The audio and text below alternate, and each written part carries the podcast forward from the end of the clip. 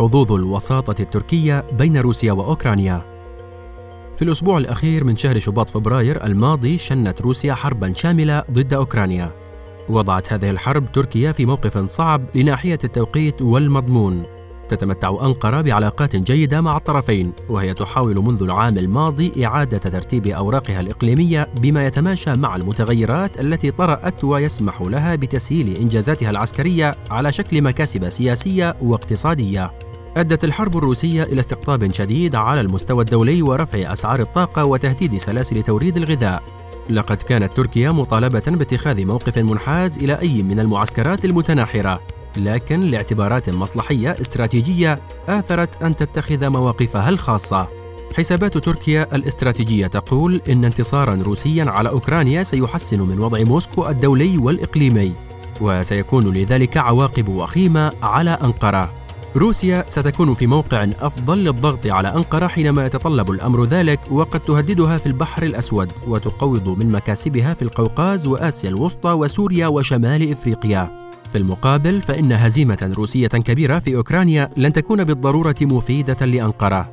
ذلك أن تركيا قد تفقد حينها ورقة المساومة أو الموازنة مع الغرب وهو ما يعني أن مساحة المناورة المتاحة لها ستتقلص. وأن وضعها سيكون حرجا في مواجهة أي ضغوط مستقبلية غربية. أمام هذا الوضع دفعت تركيا باتجاه الوساطة منذ بداية الأزمة، ورفضت الالتحاق بالعقوبات الغربية ضد موسكو. لكنها قامت باستخدام حقها في تقييد التحرك العسكري الروسي عبر المضائق التركية باتجاه البحر الأسود بالاستناد إلى ما تتيحه لها اتفاقية مونترو كما قامت بإرسال المزيد من المسيرات القتالية إلى أوكرانيا وهي مسيرات أحدثت فارقا في المواجهة بين موسكو وكييف ورفعت من حجم الخسائر البشرية والعسكرية الروسية بشكل كبير. تؤكد هذه الخطوات على أن تركيا ليست مجرد تابع للغرب، وأن لها حسابات قد تكون مختلفة، وأن على الجميع مراعاة واحترام مصالحها. في المقابل أتاحت هذه السياسة لتركيا الإبقاء على مسافة معقولة من روسيا وعلى تجنب تداعيات فرض أي عقوبات محتملة عليها كما أنها أتاحت إبقاء الأمل في أن تلعب تركيا دور الوسيط في الأزمة. في بداية الحرب تجاهلت روسيا الدعوات التركية تماما وأصرت على أن تكون بيلاروسيا الدولة التي تدور في فلك موسكو مكانا للمفاوضات مع أوكرانيا. المفاوضات التي كانت روسيا تريدها هي أشبه بفرض شروط الاستسلام على أوكرانيا. قالت روسيا إنها تريد من كييف أن تكون من دون سلاح وأن تتخذ موقف الحياد وأن تجعل ذلك جزءا أصيلا من دستورها وأن تتخلى عن دونباس وأن تعترف لروسيا بأحقية شبه جزيرة القرم. وأن تغير النظام السياسي إلى نظام فيدرالي يتيح للأقاليم صلاحيات أكبر ما يعني نفوذا روسيا أكبر. وغيرها من الشروط التعجيزية دون أن يكون لأوكرانيا حق المطالبة بأي شيء باستثناء وقف الحرب. ما أن بدأت روسيا تغرق في أوكرانيا حتى تبدلت حساباتها وتقلصت أهدافها العسكرية. وبدأ أن موسكو تبحث عن سلم للنزول من أعلى الشجرة التي صعدت عليها.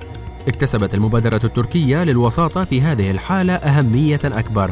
فكان أول اجتماع رفيع المستوى بين مسؤولين من روسيا وأوكرانيا في مدينة أنطاليا التركية.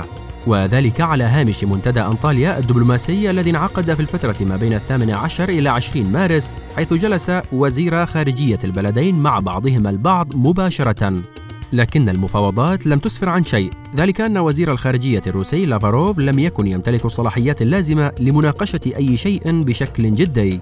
لقد كان الاجتماع الصغير بمثابة انتصار دبلوماسي تركي كما أنه أتاح إنشاء قناة دبلوماسية بين الأطراف المعنية في وقت فشل فيه الآخرون في الوصول إلى هذه النقطة. وفي الثلاثين من آذار مارس الماضي اجتمع الوفدان الروسي والأوكراني لأول مرة في إسطنبول لمناقشة مطالبهما بشكل جدي. استمر الاجتماع قرابة الأربع ساعات وأشارت تصريحات المسؤولين الأتراك إلى حصول بعض التقدم في المواضيع التي نوقشت.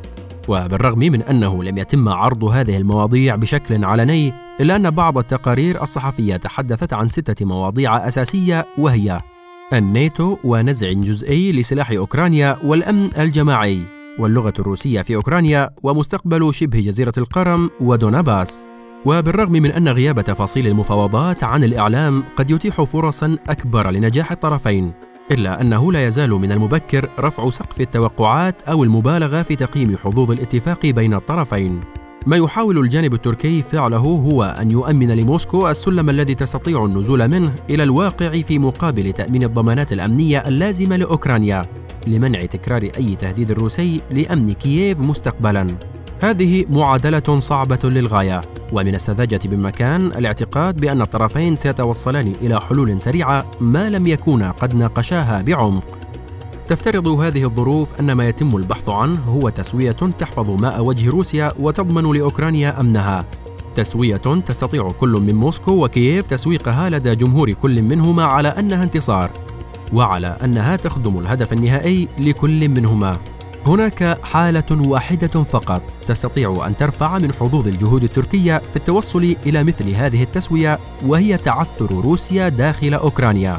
وإبقاء الضغط قائما على موسكو خلال المفاوضات.